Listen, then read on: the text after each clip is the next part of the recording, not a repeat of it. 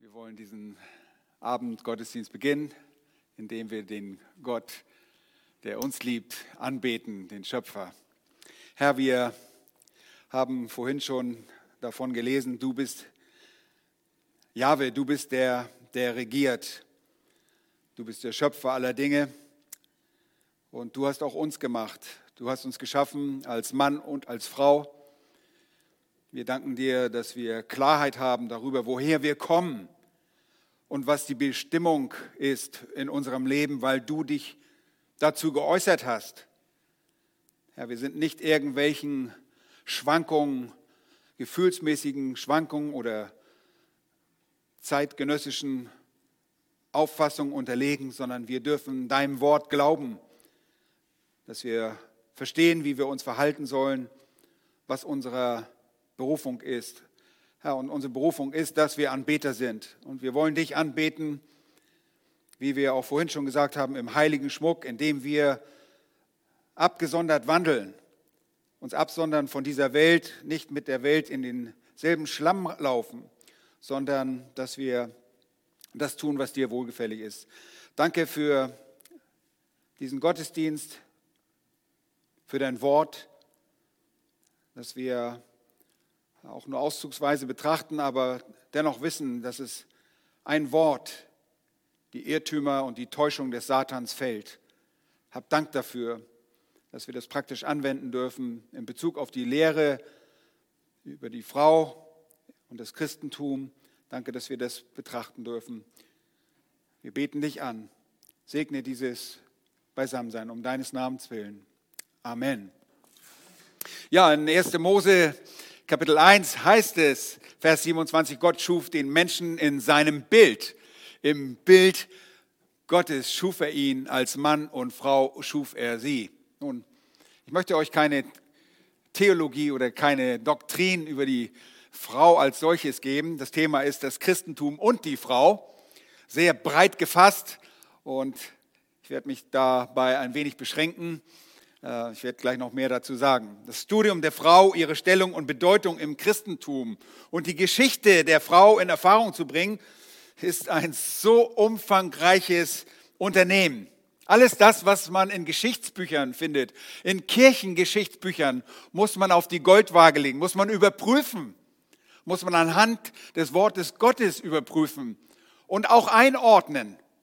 Kirchengeschichte ist auch nichts Neutrales, was wir einfach lesen und essen und aufnehmen und verdauen und sagen, das ist wirklich so gewesen, sondern wir müssen es beurteilen. Und ich habe mich für ein paar Tage dem gewidmet und festgestellt, dass es auch sehr äußerst, äh, dass das Thema auch sehr interessant ist. Und er veranlasst den Studenten regelrecht in die Geschichte einzutauchen und somit auch die Zusammenhänge biblischer Aussagen besser verstehen zu können, wenn wir das Umfeld verstehen. Wenn wir verstehen, wie Dinge sich zugetragen haben, dann können wir manche Aussagen der Heiligen Schrift besser einordnen. Und ich habe gemerkt, dass ich nur an der Spitze des Eisberges herumgepichelt habe oder herumgekratzt habe. Um überhaupt einen Überblick über das Thema zu bekommen, habe ich mich auf, nur auf die Anfänge des Christentums konzentriert. Und da sind wir ja auch in unserer Serie. Wir haben uns über die Verfolgung der Christen unterhalten und haben, sind da belehrt worden. Und das Christentum hatte natürlich einen definitiven Anfang mit der Formation der Anhänger und Anhängerinnen des Herrn Jesus Christus, nachdem es benannt wird. Und hierbei möchte ich generell das Christentum als den kleinen Fluss von Rechtgläubigen sehen, den Gott wohlgefälligen Nachfolgern und Nachfolgerinnen des Christus.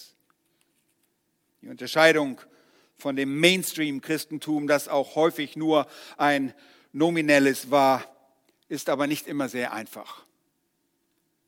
Nun, es ist zunächst einmal bemerkenswert, dass im Neuen Testament und während der Erdenzeit unseres Herrn eine zeitgenössische Abwertung der Frau vorherrschte in der Gesellschaft. Verschiedene Faktoren hatten zu diesen missgünstigen Sichtweise der Frau beigetragen.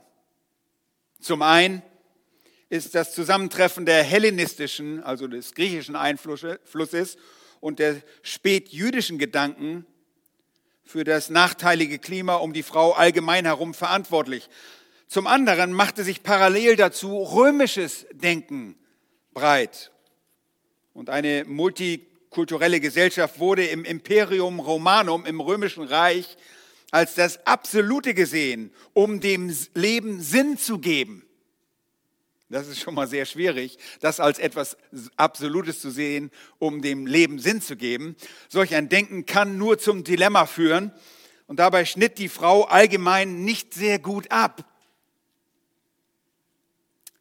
Das ist das Resultat, um es vereinfacht zu sagen, aus einem polytheistischen Rom und Griechenland, gemischt mit Auffassungen aus dem spätrabbinischen Judentum, das sich von Gottes Wort weit entfernt hatte. Die Bürger des römischen Reiches verehrten seit Jahrzehnten begrenzte, endliche, ohnmächtige Götter. Wir haben das gerade in der Gebetsstunde gehabt. Die Götter sind nichtige Götzen. Und sie sind für die Grundlage akzeptierter, sie galten, äh, für die, sie galten als Grundlage akzeptierter Werte in dieser Gesellschaft. Das Problem ergab sich aus dem Fehlen von wirklich Absoluten. Und wir wissen als Kinder Gottes, dass Menschen, egal welche Herkunft, ohne die Kraft des lebendigen Gottes, ohne die Absolute des Christus, dem Maßstab und die Veränderung, die er schenkt, ihrem Fleisch erlegen sind. Wir alle sind unserem Fleisch erlegen, wenn wir nicht von Christus verändert werden, wenn er nicht für uns die Wahrheit aufschließt und wir zur Erkenntnis der Wahrheit kommt und er für uns das absolute Wert. Und genau dieses Fehlen der Wahrheit wird offenbart in der soziologischen Entwicklung der Gesellschaft des römischen Reiches. Soziale Ungleichheit machte dabei auch an der Tür des schwächeren Geschlechtes keinen Halt. Damit meine ich natürlich die Frau. Diese generelle Abwertung der Frau kann man auch in der Schrift wahrnehmen wenn man die Geschichte Jesu zum Beispiel in Johannes 4 liest und dabei die Verwunderung der Jünger Jesu zur Kenntnis nimmt, die erstaunt waren, dass Jesus mit einer Samariterin sprach. Wir wissen, er ließ sich auf eine Phönizierin auch ein und mit heidnischen Frauen redet er, obwohl die Geschichte, wir wissen, zwischen den Juden und Samaritern, den von Juden verhassten Mischvolk, sehr speziell ist. Jesus spricht mit ihr. Und die Verwunderung lässt ein bisschen von der Abwertung der Frau erahnen. Im Allgemeinen stand die Frau im antiken Heidentum außerhalb des öffentlichen Rechts. Sie wurde weitgehend als Eigentum des Mannes gesehen und unterstand sogar rechtlich seiner Verfügung. Und sie nahm nur in wenigen Bereichen des öffentlichen Lebens teil. Sie trat nicht einfach auf, wie wir in der Öffentlichkeit, sie war mehr dem Haushalt, zurück im Haushalt tätig. Und wenn man in diesem Bereich nicht alles, auch wenn man in diesem Bereich nicht alles über einen Kamm scheren kann, so gibt es insgesamt ein Negativbild wieder, wie die Frau im römischen Reich und im frühen Christentum gesehen wurde. Von römischer Seite wurden zwar auch Gesetze zum Schutz der Frau erlassen, aber um deren Umsetzung war man nicht immer so sehr bemüht. Selbst im Spätjudentum wurde die Frau unter der Leitung von gesetzlichen und an menschlichen Traditionen klebenden Rabbinern äußerst gering geschätzt. Die hohe Sicht des Tanachs des Alten Testaments eigentlich von der Frau wurde auf Kosten der autoritativ gewordenen Menschengebote aufgehoben. Wir erinnern uns, die Rabbiner konzentrierten sich auf Menschengebote und nicht auf das Wort Gottes. Und so wurde die Frau zwangsläufig und viele andere Dinge auch, ähm, die Frau wurde in ihrer Würde degradiert. Äh, wenn wir eine, einige Sprüche aus dem Spätjudentum hören, dann versteht ihr genau, äh, was ich meine. Wie ähm, Pharisäer gebetet haben und gedankt haben, dass sie nicht eine Frau sind. Und äh, viele abschätzige Bemerkungen. Eine verheiratete Frau konnte selbst im Judentum gemäß der liberalen jüdischen Schule aus jedem beliebigen Grund aus der Ehe entlassen werden. Oder soll ich entsorgt werden sagen? Sie konnte einfach entsorgt werden. Suppe verbrannt, weg, weg, weg. Ja, das ist abschätzig gegenüber und entwürdigend. Und in diese Zeit kommt unser Herr Jesus und bricht mit dem Christentum hinein. Und natürlich weiß Jesus um die zwiespältigen und verkehrten Ansichten genauestens Bescheid. Und er tritt den weit verbreiteten gesellschaftlichen Auffassungen der Frau, die man über die Frau hatte, gegenüber und den Einstellungen zur Frau, tritt er direkt entgegen. Ihr Lieben, er rückt durch seine göttliche Lehre und das dazu entsprechende Handeln er bringt die göttliche Norm für die Frau und die Ehe zurück. Warum sage ich zurück? Diese Normen, die bereits seit Anbeginn der Schöpfung in deren Ordnung bestanden haben. Und das ganze Alte Testament erhebt die Frau. Ist niemals abschätzig gegenüber der Frau, sondern sie ehrt die Frau. Aber wie macht Jesus das? Nun, er tritt nicht als ein Moralprediger auf, sondern er lehrt und bringt Männer und Frauen in seine Gefolgschaft. Und das ist das wahre Christentum. Und wir haben so manches Mal beobachtet, dass Jesus auch von Frauen begleitet wurde. Ihr erinnert euch, selbst im Markus-Evangelium haben wir darauf hingewiesen. Er wurde von Frauen begleitet, die ihm bis zuletzt am Fuße des Kreuzes die Treue hielten und selbst am Auferstehungstag sind sie die Ersten an seinem leeren Grab. Er unterwies Frauen, was nicht allzu üblich war, dass Frauen belehrt wurden. Er unterwies Frauen in seiner Gefolgschaft und veränderte selbst nach seiner Rückkehr in den Himmel weiterhin das Leben von sehr vielen Frauen und zwar durch den ihn verliehenen geschenkten Glauben und die rettende Gnade in Hinsicht auf sein einmaliges Erlösungswerk. Sie wurden sein Eigentum, genau wie begnadigte Männer. Und zum Schutz der Ehe, beziehungsweise zum Schutz der Frau, verpflichtet Jesus den Mann zur Treue gegenüber der einen Frau, die ihm gegeben wurde. Und seine, seine Absichten sind immer die Einehe, niemals die Polygamie oder die Bigamie, die mehrfache Ehe, die doppelte Ehe mit zwei Frauen. Jesus offenbart die Sünde, die bereits hinter den lüsternen Blick auf die Frau des anderen besteht. Und er selbst stellt die Ordnung wieder her, die nur über die Wesensveränderung im Innern des Menschen auch praktisch erreicht werden kann. Und deshalb tut er was? Er rettet. Und daran habe ich alles aufgehängt. Jesus ist Retter. Und Jesus rettet Frauen und bringt sie in die Nachfolge, in die Jüngerschaft und macht sie zu Christen, Christinnen. Und das Erste, was wir uns anschauen wollen, der erste Punkt, wir schauen in die Geschichte und stellen fest, er rettet aus dem Judentum und über den Weg des Judentums. Das ist sehr interessant. Aus dem Judentum und über den Weg des Judentums.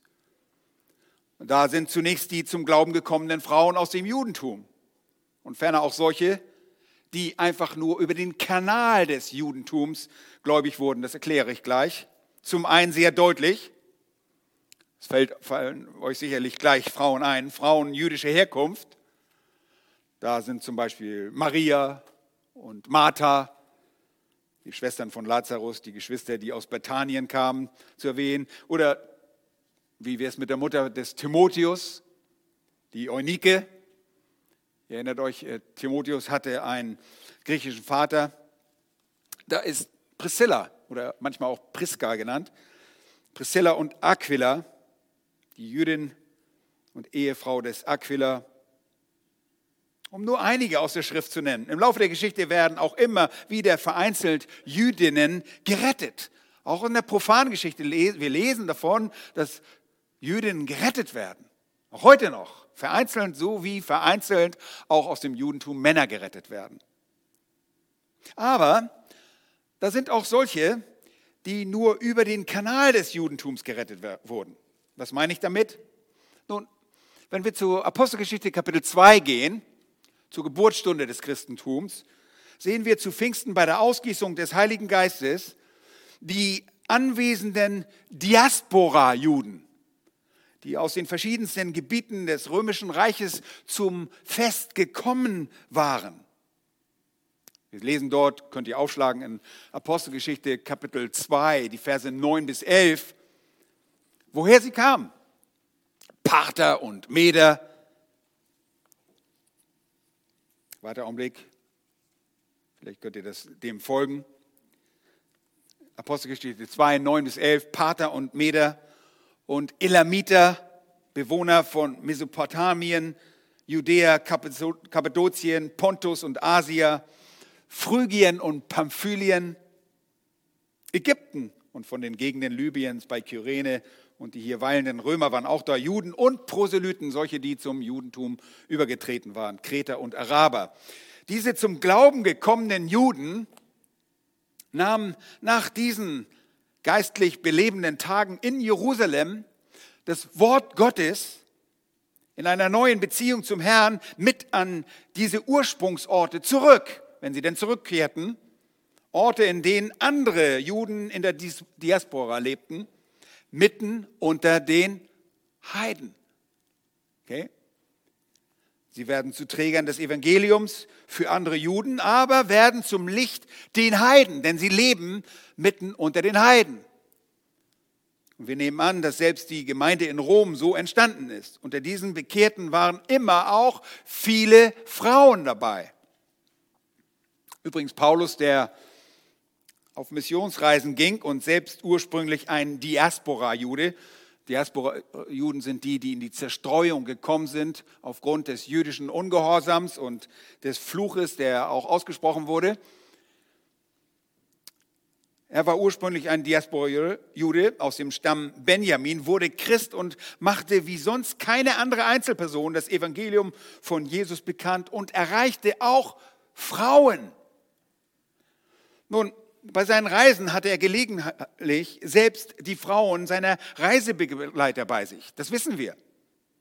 Und bei der Verteidigung seines Apostelamtes, schon im ersten Korintherbrief, stellt er die rhetorische Frage und sagt, sind wir nicht berechtigt, in 1. Korinther 9, Vers 5, sind wir nicht berechtigt, eine Schwester als Ehefrau mit uns zu führen, wie auch die anderen Apostel und die Brüder des Herrn und Kephas, das ist Petrus? Okay. Diese Frauen, die mitreisten auf diesen Reisen, denn manchmal waren sie monatelang unterwegs, hatten leichteren Zugang zu anderen Frauen, weil Männer nicht ohne weiteres Frauen ansprechen konnten. Das, ist nicht so wie bei uns auf der Straße, dass du einfach eine Frau ansprichst. Das gehörte sich nicht. Das war unanständig. Man konnte nicht Frauen ohne weiteres ansprechen, es sei denn, ein Gespräch oder eine Belehrung fand in einem begünstigenden Kontext statt. Schaut einmal äh, ein bisschen weiter in Apostelgeschichte 16. Da gibt es so einen günstigen äh, Zeitpunkt, den Paulus ergreift. In Kapitel 16 ist Paulus auf seiner zweiten Missionsreise ab Vers 13, die Verse. Dort ist er in Philippi. Paulus ist auf der zweiten Missionsreise in Philippi. Offenbar macht es, äh, gibt es in Philippi nicht genügend jüdische Männer. Man brauchte zehn, um eine jüdische Synagoge zu gründen. Um, äh, und wir lesen dort ab Vers 13, dass sich die Frauen versammeln. Schaut einmal. Und am Sabbattag gingen wir vor die Stadt hinaus an den Fluss, wo man zu beten pflegte. Und wir setzten uns und redeten zu den Frauen. Oh, ich dachte, man spricht die Frauen nicht einfach so an. Nun, das ist ein begünstigender Kontext, wo der Kanal des Judentums, wo man, wo jüdische Frauen, wahrscheinlich jüdische Frauen, der Anlass war, dass hier gebetet wurde. Das sind noch keine Christen, das müssen sie erst werden.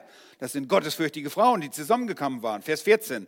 Und eine gottesfürchtige Frau namens Lydia, ja, eine Purpurhändlerin aus der Stadt Thyatira, hörte zu. Und der Herr tat ihr das Herz auf, sodass sie aufmerksam Acht gab auf das, was von Paulus geredet wurde. Als sie aber getauft worden war und auch ihr Haus, möglicherweise äh, das ge, äh, hatte sie Dienerin, denn sie war eine wahrscheinlich wohlhabendere Frau, Diener oder auch eigene Kinder.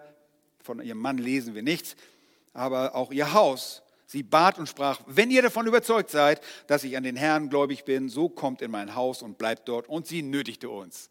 Und das hört sich nach einer wahrhaftig veränderten Frau an. Wir glauben, dass sie zum Glauben gekommen ist. Hier ist ein deutliches Beispiel dafür, dass der Kanal das Judentum ist. Lydia hat sich aller Wahrscheinlichkeit nach mit anderen jüdischen Frauen zum Gebet getroffen, denn sie versammelten sich auch an dem Sabbat. Okay? Und dann gehen wir mal nur ein Kapitel weiter. Nachdem Paulus bei den Thessalonichern angekommen war, lesen wir dort auch zweite Missionsreise des Apostel Paulus in Kapitel 17 und Vers 2. Paulus ging nach seiner Gewohnheit zu ihnen hinein.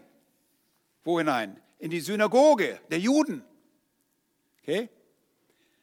Und er drei Sabbaten, redete an drei Sabbaten mit ihnen aufgrund der Schriften indem er erläuterte und darlegte, dass der Christus leiden und aus den Toten auferstehen musste und sprach, dieser Jesus, den ich euch verkündige, ist der Christus. Und etliche von ihnen wurden überzeugt und schlossen sich Paulus und Silas an, auch eine große Menge der gottesfürchtigen Griechen sowie nicht wenige der vornehmsten Frauen.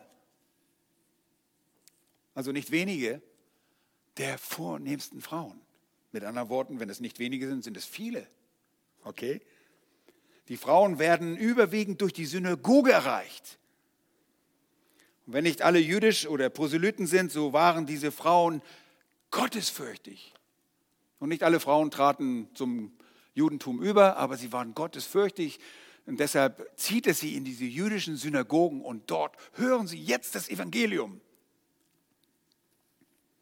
Und wenn ich schon sagte, wie ich schon sagte, konnte man als Evangelist nicht einfach mit einer Frau ins Gespräch kommen. Man ging nicht einfach auf eine Frau zu. Frauen waren gesellschaftlich eher isoliert und es galt als unhöflich, unanständig, eine Frau direkt anzureden. Und deshalb werden Frauen auch eher durch andere Frauen erreicht. Und wir wissen um den gemeinsamen Dienst von Aquila und Priscilla, die sicherlich auch evangelistisch unter ihresgleichen wirkten. Ihr erinnert, sie sahen Juden aus Rom. Ne? Sie waren mal wieder in Rom, dann kamen sie wieder äh, zu Paulus nach Ephesus und in Korinth waren sie. Äh, das ist interessant. Priska, wie sie auch genannt wird, wird gelegentlich ihrem Manne sogar vorangestellt. Ja, da wird gesagt, Priska oder Priscilla und Aquila. Und meistens sagen wir Aquila und Priscilla. Aber sie scheint so prominent gewesen sein oder sie hatte ein sehr starkes Auftreten. Möglicherweise weist es darauf hin, dass sie auch sehr stark war. Letztlich bestand das römische Reich aber nicht nur aus Juden oder aus gläubig gewordenen äh, jüdischen Christen, sondern zweitens wurden Frauen, das ist der zweite Punkt, äh, errettet aus dem multikulturellen Heidentum des römischen Reiches. Und ihr seht schon, wie schwierig das ist, äh, sich da äh, zu positionieren. Hier sind äh, Römer, hier leben Griechen, Skythen, Barbaren, Samarier, äh, Samariter vielmehr, Syrer, Ägypter, Phönizier, Idumäer und so weiter und so fort. Viele, viele, viele verschiedene Völker und Volksstämme. Und Jesus rettet aus all diesen Volksgruppen. Und er macht keinen Unterschied. Egal welcher Stamm, Stand, ob arm oder reich, frei oder versklavt. Egal welche Hautfarbe, der interessiert er nicht. Jesus rettet. Und das Erreichen dieser Volksgruppen ist zweifelsohne durch den Dienst der bekehrten Juden und primär den Missionaren des, der, den übrigen Apostel und des Apostel Paulus zuzuschreiben, ferner auch allen treuen Jüngern, die das Evangelium Jesu ernst genommen haben. Das Heil kam von den Juden, aber im Laufe der Zeit kristallisiert sich heraus, dass die Juden dem Evangelium gegenüber eher verstockt sind und nicht zugänglich sind. Die Zahl der Gläubigen aus den Nationen übersteigt bald die Zahl der jüdischen Christen. Aber das nur nebenbei, denn die Bedeutung der religiösen und ethnischen oder sozialen Umstände und Unterschiede im Leben einer Frau treten im Christentum in den Hintergrund. Der zweite Punkt ist deshalb schnell abgehandelt. Wir kommen zum dritten. Errettet und befreit durch das vereinende Evangelium. Die Frau wurde im Christentum wurde errettet und befreit durch das vereinende Evangelium. Frauen wurden von der Sklaverei der Sünde befreit und galten im wahren Christentum nicht als minderwertig oder versklavtes Eigentumsgut der Männer, sondern waren und sind ihnen ebenbürtig. Die gläubige Frau, so lehrt uns die Schrift, ist von gleichem Wert wie der Mann. Paulus macht das so sehr deutlich im Galaterbrief Kapitel 3 und dort die Verse 28 und 29. Äh, die Verse werden leider oftmals aus dem Kontext gezogen und äh, damit wird, möchten einige beweisen, dass die Frau alles kann, was der Mann auch kann. Äh, dass sie predigen kann, dass es ja keinen Unterschied mehr gibt. Ich lese die Verse nochmal vor. Galater 3, 28 und 29, da ist weder Jude noch Grieche, da ist weder Sklave noch Freier, da ist weder Mann noch Frau, denn ihr seid alle einer in Christus, Jesus. Wenn ihr aber Christus angehört, so seid ihr Abrahams Same und nach der Verheißung Erben. Das spricht Paulus, Paulus auch im Kolosserbrief an, Kapitel 3, Vers 11. Aber hier kommen einige Menschen und äh, ich habe mit einigen Theologen darüber gesprochen, die haben gesagt, hey, die Unterschiede auf der Ausübung von Diensten in der Gemeinde sind hiermit aufgehoben, weil wir sind alle eins. Die Funktionen wären alle eins. Nun, dies ist keine Gleichmacherei. Es ist eine, ein Beweis dafür, dass sie ebenbürtig und gleichwertig ist, aber die Frau bleibt weiterhin andersartig. Die Frau ist zu anderen Aufgaben berufen als der Mann. Im biologischen äh, lässt sich das sehr einfach erkennen, obwohl da auch einige heutzutage durcheinander kommen und nicht mal wissen, ob sie Mann oder Frau sind. Äh, aber wir wissen im biologischen, die Frau gebiert Kinder. Der Mann kann das nicht. Er ist der Samenspender. Die Frau ist zu anderen Aufgaben. Ihr Dienst ist primär gemäß der Schrift im Haushalt. Eukorgos heißt es dort im Titus 2, Vers 5 so sollten Frauen belehrt werden, dass sie häuslich sein sollen. Nun, heute wird darüber gespottet. Heimchen am Herd.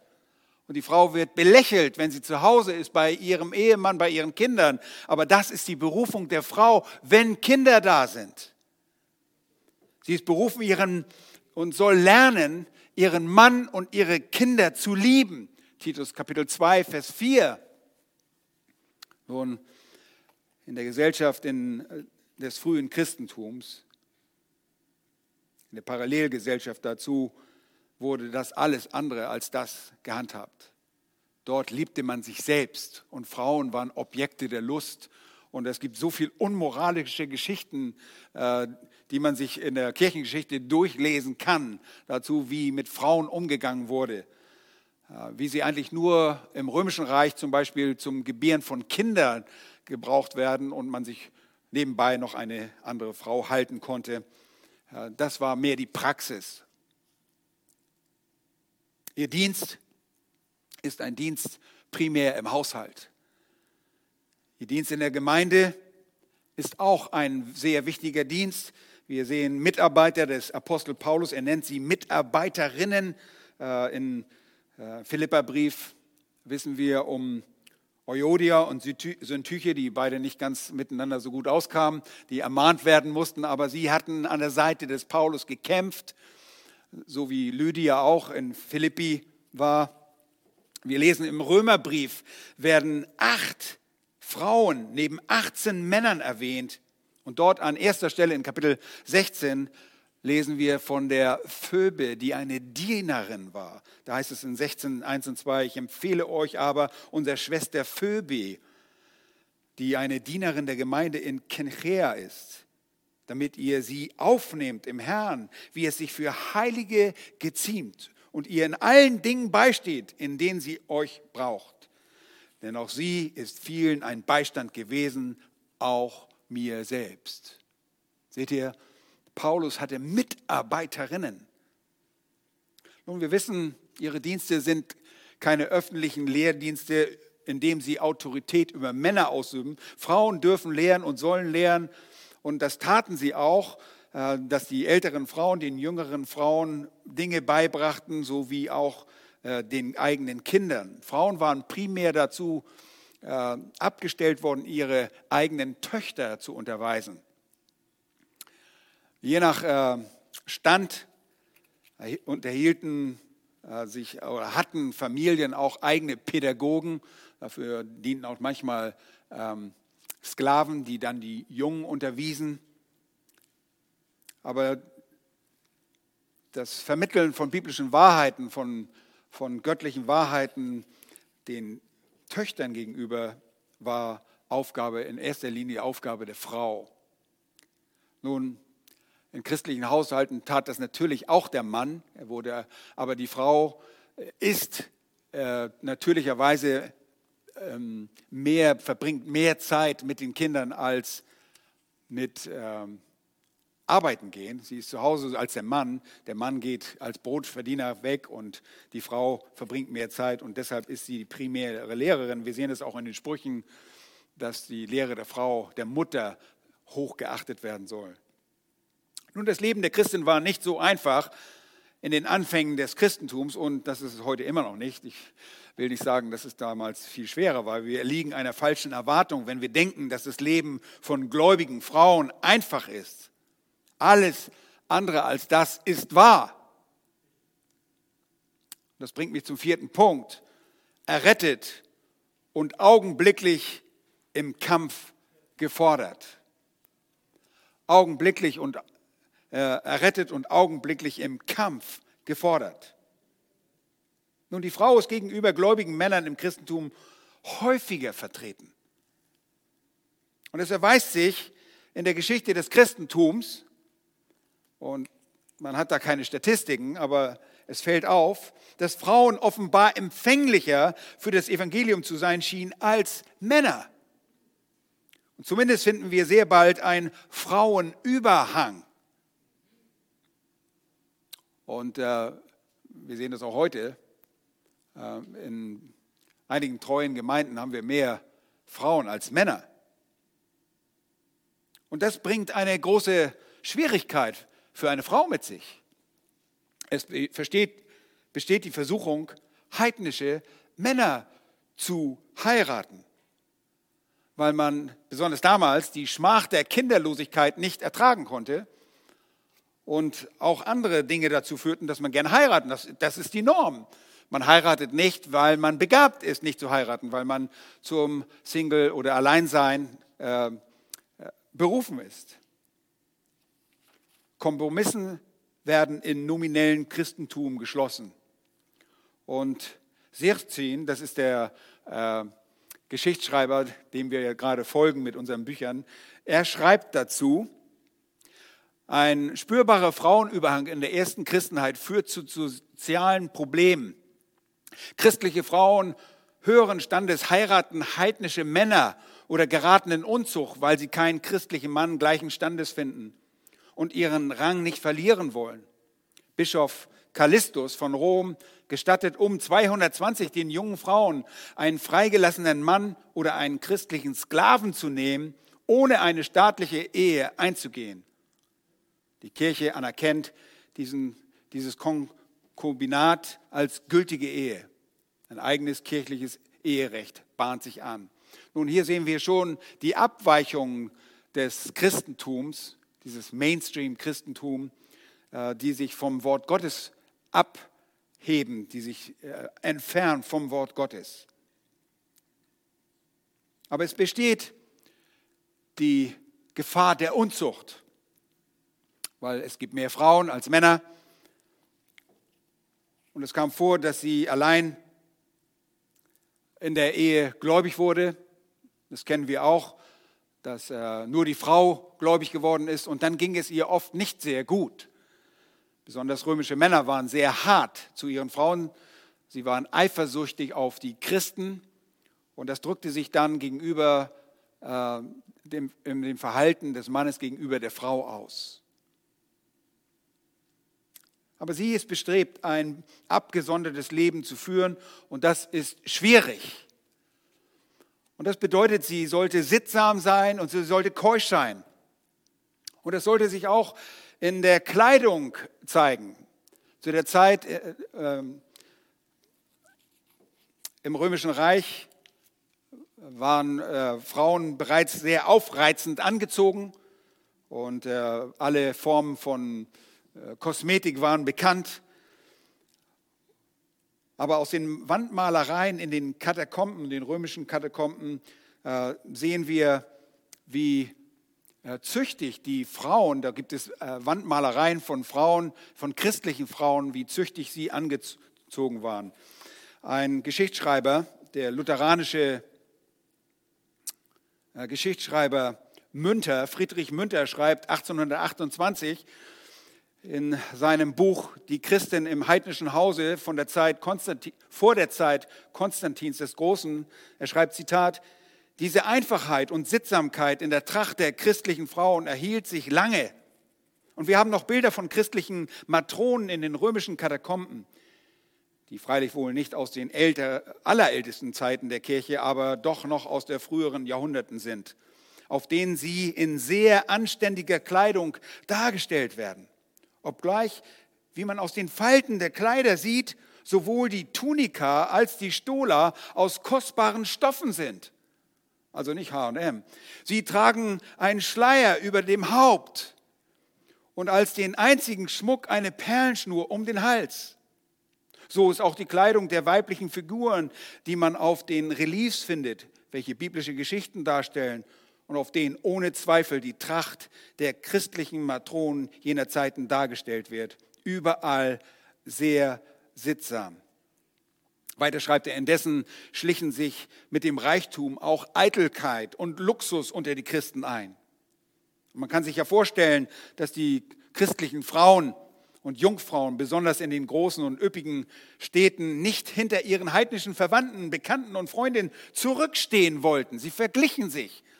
Und ihr wisst, das ist äh, einer Frau nicht unbekannt. Man möchte bewundert werden und je reicher und vornehmer sie waren, desto größer wurde die Versuchung, den Frauen es gleich zu machen. Nun, eine treue Christin achtete auf, ihren, auf ihr Äußeres. Und sie schmückte sich mit, nicht mit dem äußeren Schmuck, sondern mit dem inneren Schmuck der Heiligkeit und des Gehorsams. Sie gibt sich weiter willig ihrem Manne als dem Herrn. Nun, das ist im Gegensatz zu einer Versklavung. Uns wird oft als Christen auch gesagt, und das ist ein allgemein gültiger Grundsatz im Christentum, Frauen unterordnen sich ihren Männern als dem Herrn. Und dann wird uns gesagt, oh, die armen Frauen, die werden ja richtig versklavt. Nun, das war in der Gesellschaft tatsächlich so. Frauen wurden richtig versklavt. Sie hatten keine Rechte. Bei den Christen machte die Frau das willig. Sie lebt für ihren Mann, um des Herrn, um den Herrn zu gefallen. Wir erinnern uns an die Aufforderung Paulus im Epheserbrief, was das auch darstellt, die Unterordnung der Frau unter ihren eigenen Ehemann, ist die Unterordnung, ist das Verhältnis der Gemeinde zu Christus. Nun, die Christin lebt oder stirbt ebenso als Märtyrerin. Nicht nur die Männer, wir haben von, von der Verfolgung gelesen, aber die Frau, die in Hilf, Hilfsbedürftigkeit und in Nöten war, wurde sehr häufig genauso verfolgt und nicht weniger verfolgt als Männer. Sirzin schreibt dazu in seinem Buch, die Zahl der Märtyrerinnen ist nicht geringer als die der Männer und die Frauen beweisen nicht weniger Seelenstärke. Schon Bischof Clemens von Rom rühmt um 95 nach Christus Blutzeuginnen. Die Skrupellosigkeit und Gewalttätigkeit der Gesellschaft kommt darin zum Ausdruck, dass nicht mal vor Frauen Halt gemacht wurde. Nun, ich komme zu meinem letzten Punkt. Errettet oder der Täuschung erlegen. Und ich sagte, es gab Frauen, die sich Christen nannten. Und das spiegelte wirklich nur ein nominelles, ein Namenschristentum wider. Und die Frage muss immer wieder gestellt werden, waren die Frauen tatsächlich errettet? Und wir können diese Frage nicht beantworten, aber das ist eine Frage, die wir uns heute auch stellen können, die sich jede Frau selbst stellen kann. Bin ich wirklich errettet? Und wir lesen bei den Frauen im frühen Christentum schon von Abweichung und Verehrung von Gottes Maßstäben. Und Sirzin schreibt, in Hierapolis in Phrygien genießen die weissagenden Töchter des Philippus hohes Ansehen. Sie beten und weissagen im Gottesdienst im, im Sinne von 1. Korinther 11, Vers 5. Und bald nach ihnen lebt in Asia die Prophetin Amia. Noch gegen 200 wird sie verehrend erwähnt. Hier werden auf einmal Frauen verehrt. Sie ist nicht die letzte. In den 230er Jahren lebt in Kappadokien die gelehrte Jungfrau und Matrone Juliana nicht Juliane, aber Juliana, im Montanismus und bei den Gnostikern spiegeln Fackeln, spielen Fackeln tragende Prophetinnen, auch Priesterinnen eine große Rolle. Tertullian berichtet von einer äh, Monatist, äh, montanistischen Frau. Sie verkehrt mit den Engeln, zuweilen auch mit dem Herrn, sieht und hört Geheimnisse, sie blickt einigen ins Herz und gibt denen, die es verlangen, Heilmittel. Seht ihr, es dauerte nicht sehr lange und es gab große Abweichungen im Christentum. Und es gibt verschiedene Zeugnisse, so Sirzin, äh, für das hohe Ansehen der Frauen in der Kirche. Eine eminente Rolle spielen Frauen in Kreisen der Gnostiker und Montanisten. In den Acta Pauli um 150 werden Theonö, Noe und Myrte zwei korinthische Gemeindeprophetinnen genannt, außerdem Stratonice von Philippi sowie die Apostolin Telka von Iconium. Montanus umgibt sich mit Prophetinnen, die das baldige Weltende verkündigen. Und die apokryphischen Apostelgeschichten des zweiten Jahrhunderts sind voll von predigenden Frauen. Die heidnischen Philosophen Celsus und Porphyros Porphyrius spotten über den Unverstand christlicher Weiber und deren Religion. Nun, später heißt es, dennoch sind die Frauen nicht ohne Einfluss, zumindest im römischen Großhaushalt steht die Frau in einer angesehenen Stellung. Der Christenhasser Porphyrius bezeichnet die Frauen übertreibend als Senat der Kirche, der über Priesterkarrieren entscheide. Hieronymus kämpft gegen Fraueneinfluss bei Klerikerwahlen. Konstantin ehrt seine Mutter Helena mit dem Titel Augusta. Und die Jungfrau Pulcheria des Kaisers Schwager beteiligt sich am Streit zwischen Nestorius und Cyril. Sie sind als neue Helena und Retterin des Glaubens gefeiert. Ihr Lieben, die Frage stellt sich, waren sie wirklich Christen? Nun, es geschieht sehr viel im Namen des Christentums, aber sie gehen an den Maßstäben Gottes vorbei. Die Frau muss vom Wort Gottes, von dem absoluten Wort Gottes, von der einzigen Wahrheit definiert werden, was ihre Rolle und ihre Berufung ist. Sie muss ihren Platz finden gemäß der biblischen Prinzipien Und das bedeutet manchmal schweres Leben. Wenn es nicht gerade ein Martyrium ist durch Verfolgung und körperliche Qual, es kann oft zu einer richtig geistlichen Qual werden. Zu tun, was Gott sagt, bringt dennoch Segen. Haus und Besitz erbt man von den Vätern, aber eine verständige Ehefrau kommt von Jahwe, sagt Sprüche 19, Vers 14. Gott allein bereitet Frauen vor, auch in dieser Gesellschaft heute.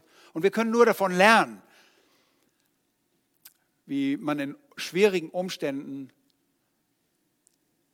Gott vertrauen kann und vertrauen muss, damit es nicht zu solchen Exzessen kommt.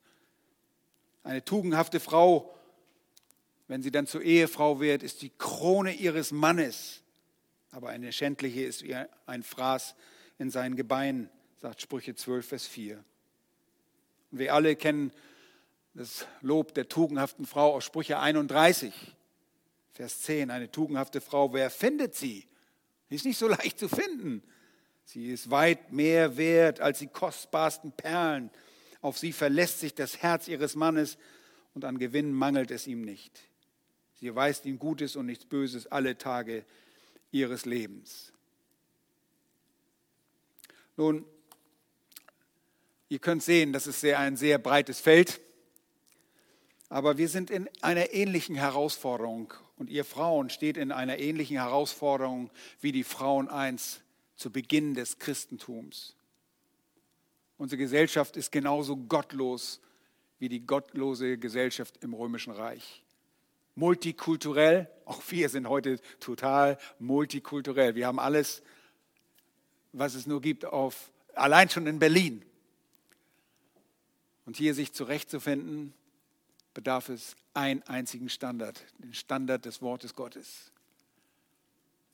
Das wahre Christentum orientiert sich allein an dem, was Gott sagt. Alles andere muss zwangsläufig zum nominellen, irrenden Christentum, das nicht wert ist, Christentum genannt zu werden. Deshalb ist unser Maßstab und eurer Maßstab für euch als Frauen, die ihr noch Frauen werdet und Ehefrauen werden wollt, ist die Heilige Schrift. Glaubt der Schrift und ihr werdet gesegnet sein. Lasst uns beten. Herr, wir sind dir von Herzen dankbar, dass du die Frau geschaffen hast. Dass du die Frau geschaffen hast, wie du sie gemacht hast. Mit all ihren Eigenschaften und Fähigkeiten, Begabungen, mit ihrem Wesen, sich unterscheidet von dem Wesen des Mannes. Und doch ist sie ebenbürtig und gleichwertig aber andersartig und zu anderen Dingen berufen. Herr, danke, dass du das in deinem Wort so deutlich gemacht hast, was der Auftrag ist für Mann und für Frau. Und dazwischen gibt es nichts. Dein Wort ist deutlich und es braucht nicht revidiert werden, auch in unserer Gesellschaft nicht. Danke dafür, dass du so deutlich bist und dass wir verstehen dürfen, wie wir zu wandeln haben. Herr, wir beten für unsere Frauen, die Frauen in unserer Gemeinde. Wir bitten dich für die Alleinstehenden. Wir bitten für die Frauen, die heiraten wollen, dass du dich ihrer erbarmst, dass sie dieses Vorrecht haben, die Gnade des Lebens zu heiraten, erfahren dürfen. Ich bitte dich einfach, dass du ihnen die Gnade erweist, da wo es dir wohlgefällig ist und deinen Plänen entspricht. Wir bitten dich für unsere Ehefrauen, dass sie treue Ehefrauen sind, die jeweils für ihren eigenen Ehemann ergeben leben, dass sie ihre Kinder lieben, wie es angemessen ist, Kinder zu lieben. Ja, dass sie ihre Prioritäten bewahren und nicht einer nichtigen Arbeit hinterherlaufen, während das kostbare Werk zu Hause in die Brüche geht. Wir bitten dich, dass sie erkennen, wie kostbar es ist, im eigenen Haushalt zu arbeiten und zu wirken, die Energie dort aufzuwenden um so auch gesegnet zu werden. Danke für die älteren Frauen. Wir bitten dich, dass du den älteren Frauen, die schon lange mit dir gelebt haben, auch die Weisheit gibst, die jüngeren Frauen zu unterweisen, ihre Männer und Kinder zu lieben. Wir danken dir dafür, dass du auch mit den Witwen bist und die, die allein leben im Alter. Du bist ihnen ein besonderer Schutz und dafür danken wir dir von ganzem Herzen. Herr, danke, dass du uns dazu errettet hast, zu einem befreienden Evangelium und zu einem vereinenden Evangelium, dass wir gemeinsam zu einer neuen Familie gehören dürfen, zu deinem Haushalt, zu dem Haushalt Gottes. Wir lieben dich und beten dich darüber an. In Jesu Namen. Amen.